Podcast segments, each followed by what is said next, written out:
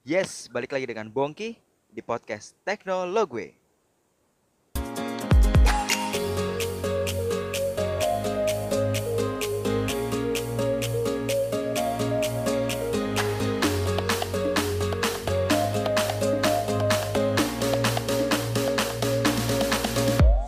Dan balik lagi di episode ketiga podcast Teknologue. Kali ini gue pengen bahas dua handphone yang launching hari ini. Gue take uh, hari Kamis tanggal 21 Maret 2019 dan hari ini ada dua handphone yang launching. Oke, apa aja itu? Um, satu dari Vivo, satu lagi dari Redmi. Oke, kita bahas yang pertama dulu ya. Ah, uh, Vivo Vivo ini gak nyangka ternyata Vivo V15 itu dijual resmi di Indonesia akhirnya. Aduh, Vivo bener-bener dah kenapa sih nggak dirilis barengan aja dengan yang V15? Ah. Jadi kita udah keburu beli V15 ya teman-teman. Memang itu worth to buy banget, value for money. Bagus banget harganya kemarin 4,399 uh, kami ikut uh, pre-order jadi itu dapat gift box yang nilainya worth sampai dengan satu juta rupiah karena itu kita dapat hadiahnya adalah Bluetooth headset mereknya Rockspace dan juga kita dapat power bank. Lupa mereknya dan lupa berapa kapasitinya. Katanya sih dari uh, salesnya itu worth sampai dengan satu juta rupiah. Jadi dengan PO si Vivo V15 itu kita ambil di Erafone di uh, Sumarekon Mall Serpong. Um, kita PO tanggal berapa ya? Kita PO tanggal 10 Maret tapi kita baru ngambil barang itu tanggal 17 Maret. Nggak kecewa sama sekali dengan barangnya dengan produknya. Tapi yang agak sedikit hmm, agak sedikit sesak di dada itu ternyata si V15 Pro itu juga dirilis akhirnya.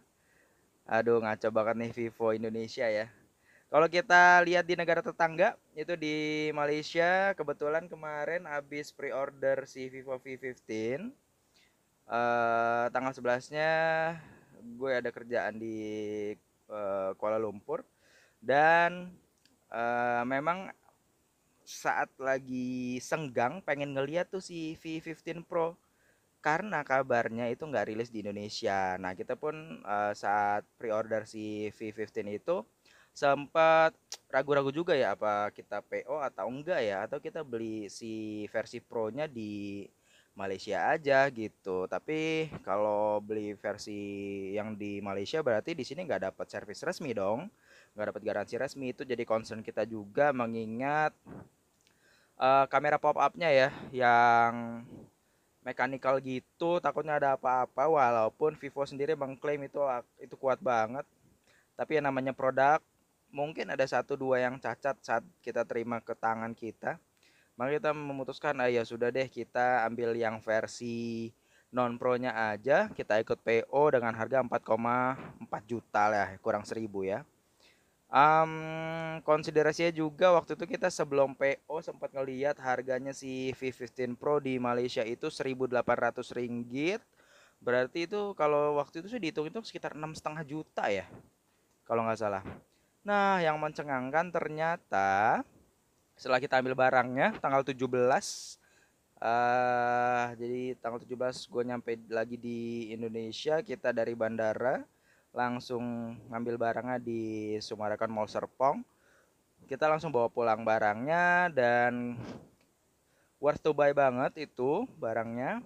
Eh ternyata di hari Senin tanggal 18 Maret ada kisi-kisi ini dari beberapa tech influencer bahwa ternyata si V15 Pro itu akan segera di launching dan benar kejadian selang tiga hari kemudian resmi Vivo V15 Pro itu dijual di Indonesia.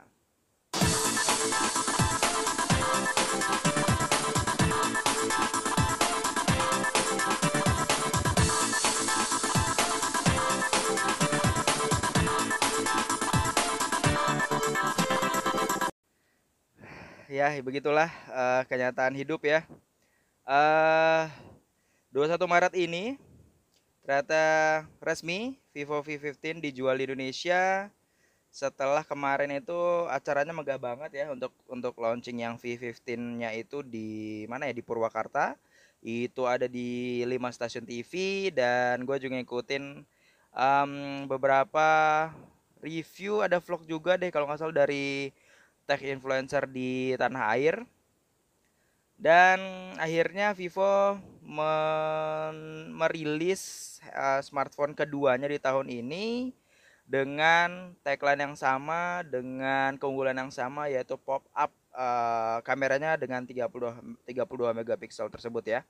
Jadi kalau dengan kita lihat namanya itu yang namanya Pro berarti itu varian yang lebih tinggi dari yang non pro sama kisahnya kayak uh, V11 ya. V11 tuh ada dua juga. Ada yang V11 ada yang V11 Pro V11 itu harganya kalau nggak salah sekitar tiga setengah jutaan ya waktu pertama launching.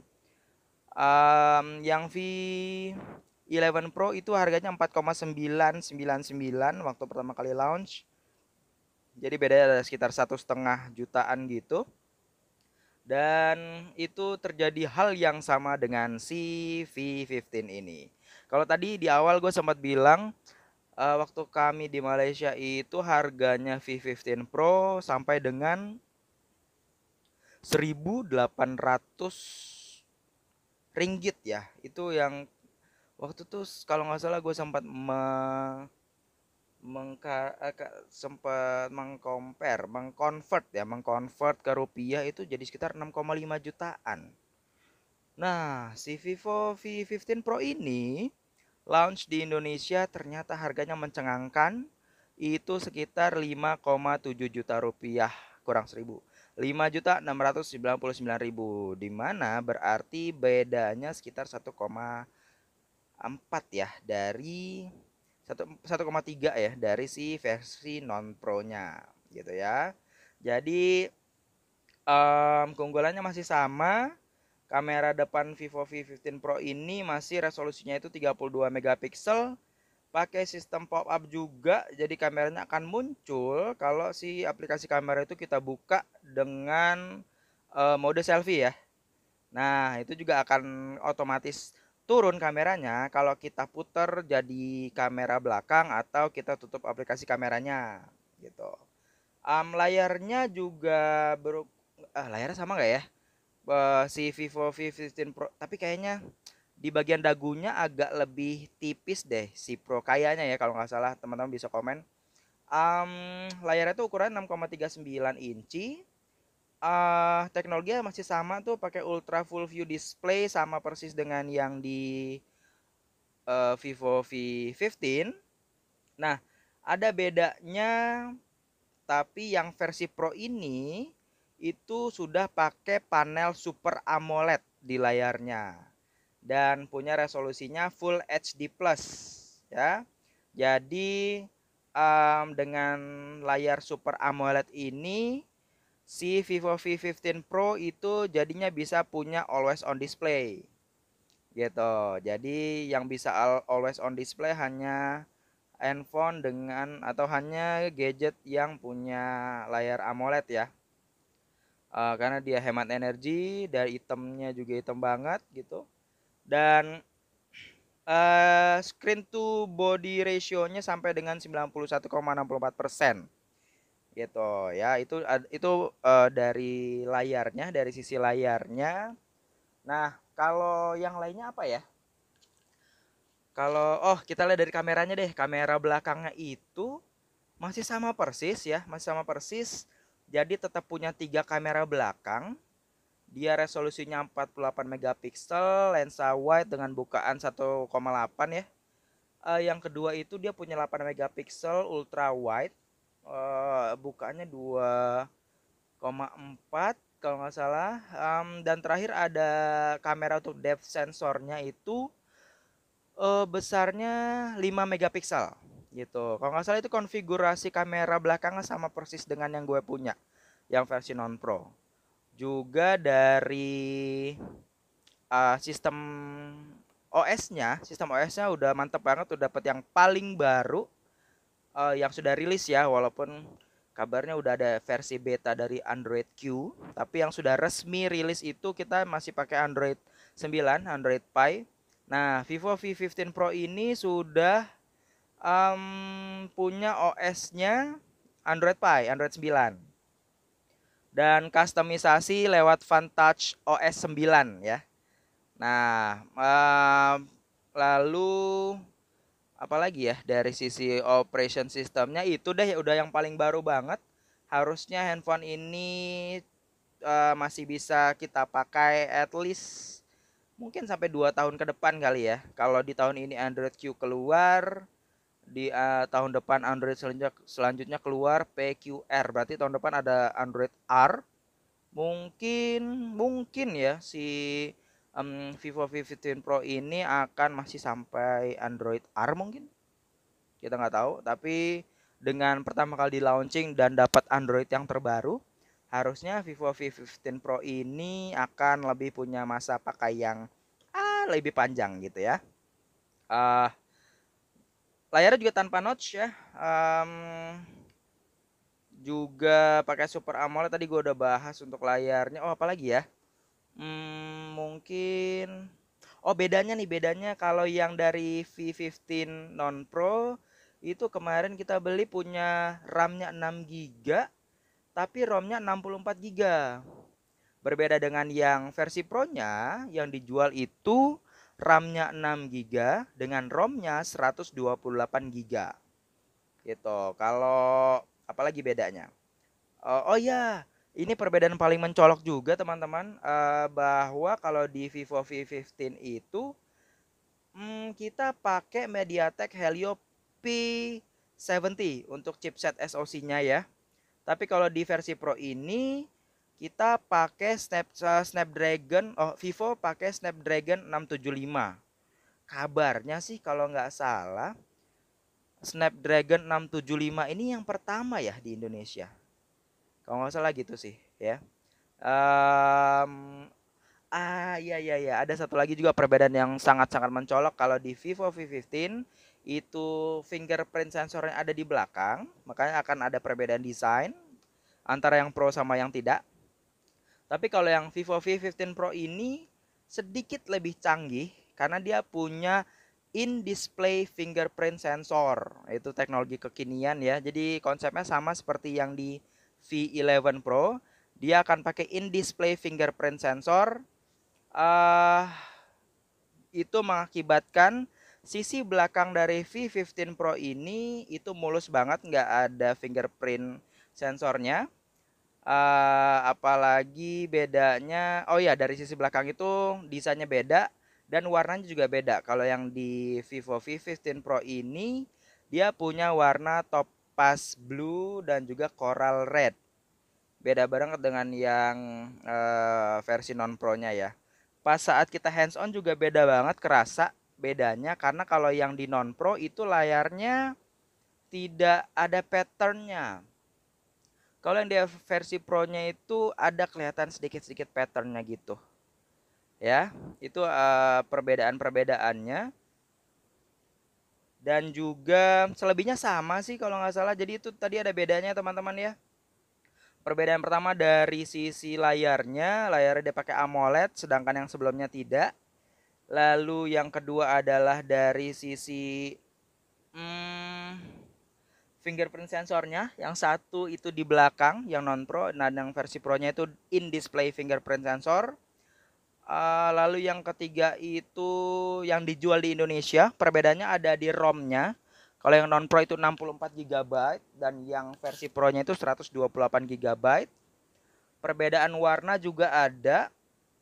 Uh, perbedaan chipset yang Pro pakai Snapdragon, yang non Pro itu pakai MediaTek Helio P70.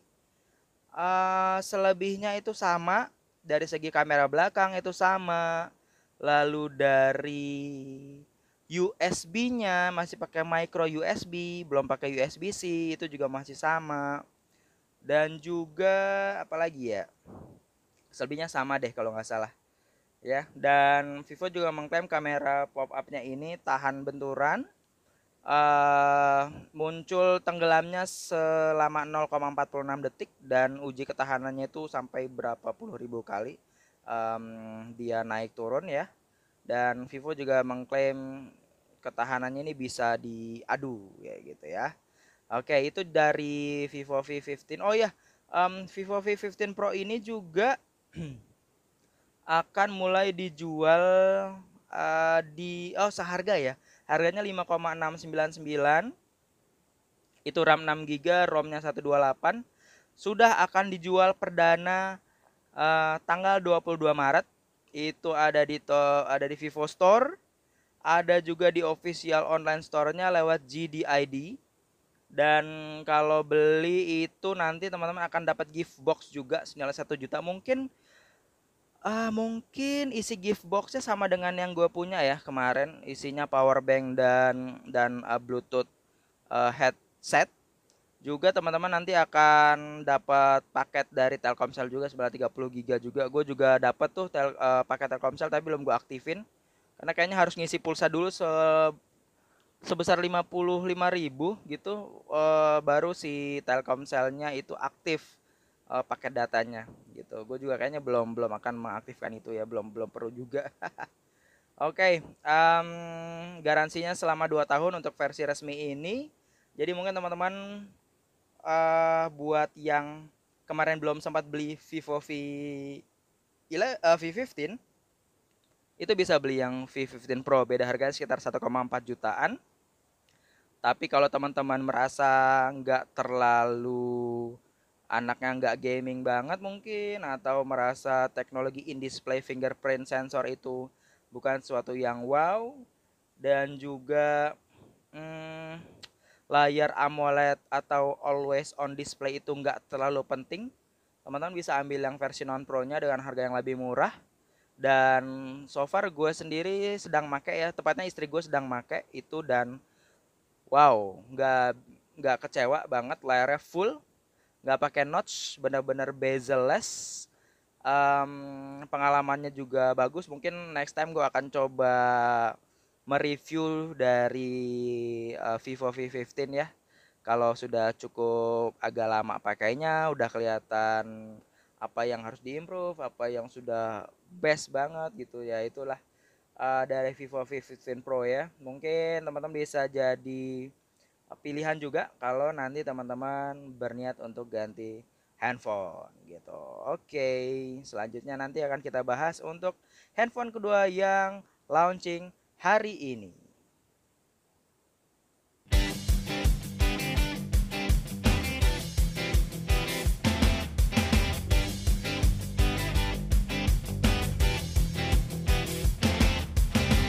Dan handphone kedua yang di launch hari ini itu eventnya kalau nggak salah ada di hmm, Pacific Place ya hotel apa ya di yang nempel dengan Pacific Place itu? Ritz ya Ritz Carlton ya kalau nggak salah ya. Ya itulah ya. Um, hari ini jadi 21 Maret sama persis dengan peluncuran Vivo V15 Pro. Uh, oh ya soal Vivo Vivo V15 Pro tadi ada satu yang belum gue sebutkan. Perbedaannya itu bahwa si Vivo V15 Pro itu punya uh, face lock, face unlock, punya face unlock. Sedangkan yang non pro yang gue punya itu nggak punya face unlock.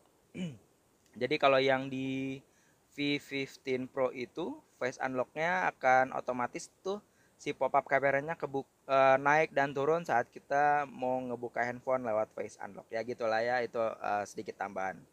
Oke, kita lanjut ke handphone kedua yaitu Redmi Note 7. Oke, mungkin buat teman-teman yang belum tahu, Redmi namanya bukan Xiaomi. Ya, gitulah. Um, semenjak um, tahun kemarin, mungkin di Q3 tahun kemarin, uh, Redmi itu resmi menjadi sub brand dari Xiaomi ya.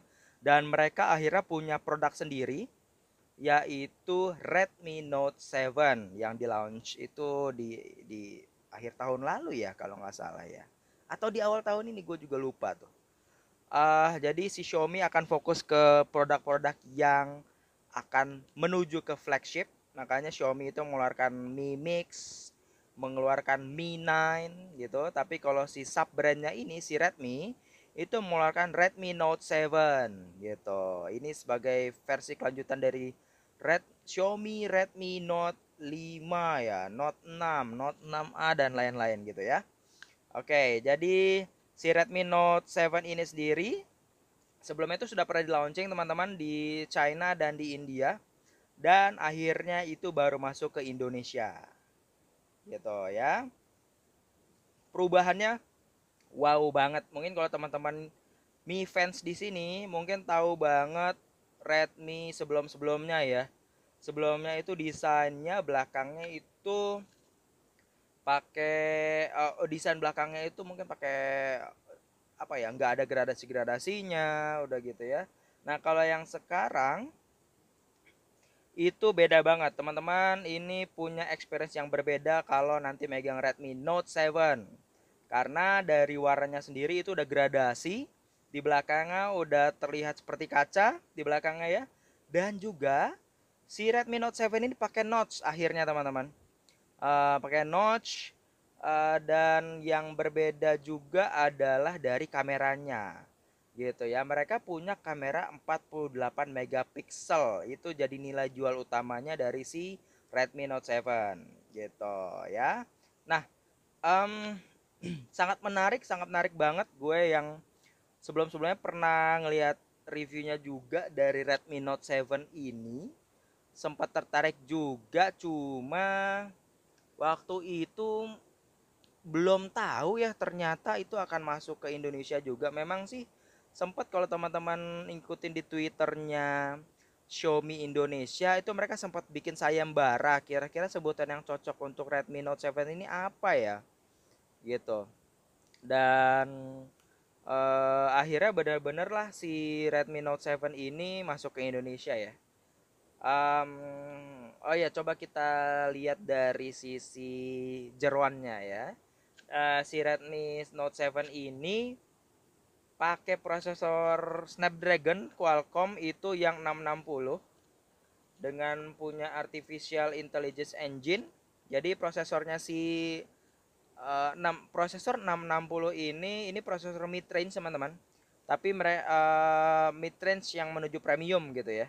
Karena uh, bias biasanya prosesor 660 ini punya kecepatan di atas rata-rata harusnya dari uh, mid range lainnya ya. Mungkin yang sebelum-sebelumnya sebelum 660 apa nih ya? 635 ya? Uh, ya begitulah. Uh, 660 itu masih terhitung cukup baru. Kalau bisa disejajarkan kalau nggak salah 660 ini setara dengan MediaTek Helio P70 ya yang kita punya yang gue punya untuk di V15 kalau nggak salah itu se head to headnya antara uh, MediaTek Helio P70 itu head to headnya dengan si Snapdragon 660 gitu oke? Okay?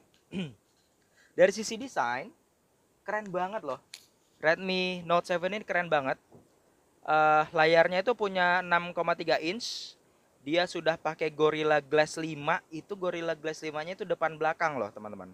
Jadi benar-benar dilapisin Gorilla Glass 5 di layar depan dan di back uh, apa ya istilahnya? Di tutup belakangnya tuh di di bagian belakang itu juga pakai uh, Gorilla Glass. Nah, tapi nggak tahu akan seberapa tahan untuk goresannya ya. Tapi biasanya sih sebagus-bagusnya desain belakang handphone biasanya akan dipakaikan casing juga. gitu ya. Untuk layarnya juga ini belum pakai AMOLED. Tapi dia pakai layar IPS. Sudah full HD+. Uh, resolusinya juga 1080 kali 2340 dengan rasionya nih menarik juga. Rasionya 19 setengah kom uh, 19,5 di berbanding 9 nah itu 19,5 banding 9 itu kalau nggak salah sama rasionya dengan Samsung Note eh sorry Samsung S10 ya. Apa S10 Plus ya? Rasionya sama 19 oh uh, S10 Plus kalau nggak salah. Rasio itu 19,5 berbanding 9 ya si di nah di bagian layar ini juga uh, Redmi Note 7 itu punya sedikit banget notch itu fungsinya untuk naruh kamera selfie. Kamera selfie-nya ini yang sebesar 13 megapiksel. Nah, itu dari sisi desainnya. Dari sisi desain layar depan belakang pakai Gorilla Glass, pakai layar IPS tapi sudah full HD plus, resolusinya 19,5 berbanding 9. Gitu. Nah, jualan utamanya dan jualan utamanya dari Redmi Note 7 ini yaitu kameranya yang diklaim punya resolusi 48 megapiksel plus AI ya. Oke kamera handphone mana sih yang nggak pakai AI ya sekarang kayaknya mulai dari tahun lalu itu semua ka, semua kamera handphone tuh sudah menggema memakai AI pakai AI gitu ya. Uh, jadi si kamera Note uh, Redmi Note 7 ini pakai 48 megapiksel. Jadi ada dua kameranya ya. Yang pertama resolusi yang 48 megapiksel itu untuk kamera uh, utamanya. Dan yang satunya itu untuk depth sensor sebesar 5 megapiksel. Nah, tapi dengan kamera yang segini, Redmi mengklaim bahwa mereka bisa nangkep foto maksimal tuh lewat mode uh, mode malamnya, lewat night mode-nya. Selebihnya seperti apa gue juga belum tahu, gue belum megang barangnya. Gak punya luxury untuk dapat barang reviewan gitu ya ini sebatas mungkin nanti kalau udah ada di store-store gue akan coba hands on akan coba-cobain uh, make kameranya coba hands on ke handphonenya juga uh, dan gue pasti akan melakukan itu karena menurut gue barang ini menarik banget ya menarik banget uh, keunggulan lainnya adalah di desain warnanya ini gradasi kayaknya semenjak Huawei P20 Pro semua itu sekarang udah pakai gradasi ya ya dan semua udah konfigurasinya pakai kaca belakangnya, pakai gradasi gitu. Dan ini yang dilakukan juga sama si Redmi Note 7. Uh, eh, warna gradasi saat ini sih menurut gue itu cukup menarik. Jadi sebuah tren baru di handphone-handphone dan uh, menarik mata banget ya. Jadi kalau kita lagi ngumpul sama teman, tinggal handphonenya taruh di meja, di balik uh, bagian belakang di atas ya itu akan outstanding biasanya gitu ya uh, Redmi Note 7 sendiri ini diluncurkan punya tiga warna ada Neptune Blue ada yang red apa ya namanya? Ada yang red juga dan ada yang space black. Jadi punya tiga pilihan warna dan biasanya yang biru-biru ini gue menarik nih. Karena gue ngebandingin kemarin dengan yang Vivo V15 itu ada yang biru ada juga yang merah. Tapi lebih menarik yang biru menurut gue ya. Menurut lolo semua juga beda lagi pasti pasti ada preferensi masing-masing nah itu tadi jadi Redmi Note 7 punya tiga warna ada Neptune Blue satunya gue lupa yang red itu apa namanya Nebula Red ya ya Nebula Red yang yang merah dan yang ketiga itu mereka punya warnanya Space Black ya punya Space Black oke nah ini juga nih keunggulannya Redmi Note 7 ini punya baterai 4000 mAh. Gila ya. Vivo V15 ini uh, yang gua pakai, yang istri gua pakai itu juga punya 4000 mAh. Biasanya itu akan dicabut dari charger jam tu, jam setengah 7 pagi saat istri gua berangkat dalam kondisi 100%. Dan saat istri gua pulang jam 7 malam kondisi handphonenya masih di 55 sampai dengan 60% dengan intensitas dia nonton YouTube sepanjang perjalanan di kereta dari kereta dari stasiun gua sampai dengan kantornya itu sekitar satu jam itu youtuban pulangnya juga dia begitu belum lagi dengan musik di kantor aktivitas di sosmed dan lain-lain begitu sampai rumah itu masih sisa 60, 55% sampai 60%. Nah, akankah si Redmi Note 7 juga punya ketahanan baterai seperti itu? Kita nggak tahu juga ya. Um, kalau di Vivo itu punya namanya dual engine fast charging. Kalau di Redmi Note 7 itu punya teknologinya quick charge 4.0. ya, quick charge selama ini gue taunya quick charge itu masih yang 3.0 ya. Nggak tahu ini bedanya di mana ya. Tapi uh, Redmi mengklaim dia punya baterai yang besar dan punya support teknologi quick quick charge yang membuat mereka um, Redmi itu bisa mencharge handphonenya cepat. Gitu. Di Vivo V15 dengan 4000 mAh dari kondisi 20-an persen waktu pertama beli itu dalam waktu satu setengah jam kurang kurang deh kurang banget. Mungkin satu jam ya. Itu kondisinya sudah 100% cepet ya. Untuk itu di Vivo teknologinya dual engine fast charging kalau di Redmi punya quick charge 4.0, gue belum tahu secepat apa ngecharge-nya. Apakah sama atau lebih dari itu kita juga nggak tahu. Oh iya ngomong-ngomong soal V15 juga ada bedanya lagi yang baru banget gue ingat kalau di Vivo V15 itu punya baterainya 4000 mAh.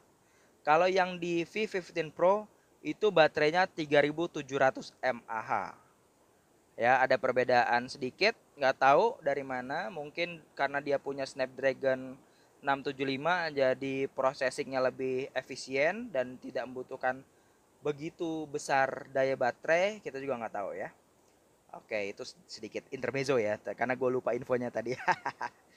Oke um, Redmi Note 7 rencananya itu akan bukan rencananya ya orang sudah dipublish ya. Uh, itu akan dijual dalam dua tipe dengan RAM 3 GB dan ROM 32 GB internal itu dijual. Wah gila banget harganya ini gila banget. Ya tadi RAM 3 GB ROM ah ROM-nya 32 GB itu dijual 1,999 juta rupiah. Gila ya. Jadi buat lolo semua yang sekarang punya Redmi Note 6, Redmi Note 5, terus mau dijual, mau lo jual berapa itu harganya? Oke, ada versi yang lainnya juga. RAM-nya 4 GB, ROM-nya 64 GB. Itu dijual seharga juta ribu rupiah. Gila ya. Gak ngerti ya. Uh, Redmi itu selalu menawarkan uh, konfigurasi yang oke okay banget ya. Spek-spek yang oke okay banget, tapi mereka tuh bisa jual murah banget ya. Gila. Mungkin ya itu yang menyebabkan Redmi jadi sub brand dari Xiaomi sekarang. Karena Redmi akan fokus ke produk-produk mid range dengan spek yang memadai tapi dengan harga yang murah. Sedangkan si Xiaomi akan fokus menuju ke flagship dengan spek yang lebih-lebih proper lagi, dengan feel yang lebih premium, dengan harga yang lebih tinggi. Gitu. Mungkin itu ya alasannya kenapa Redmi itu berpisah jadi sub brand dengan Xiaomi. Nah, itu jadi teman-teman. Kalau teman-teman ya pesan saya tadi kalau teman-teman punya Redmi yang lain dan berniat menjual, mendingan jangan dijual kali ya jadiin modem aja. Teman-teman beli aja Redmi Note 7 nah handphone Redmi yang sebelumnya itu jadiin modem aja. Karena mau dijual berapa juga saya nggak tahu. Kalau dengan punya versi Redmi yang paling baru itu hanya dalam 2 juta rupiah saja dan kurang.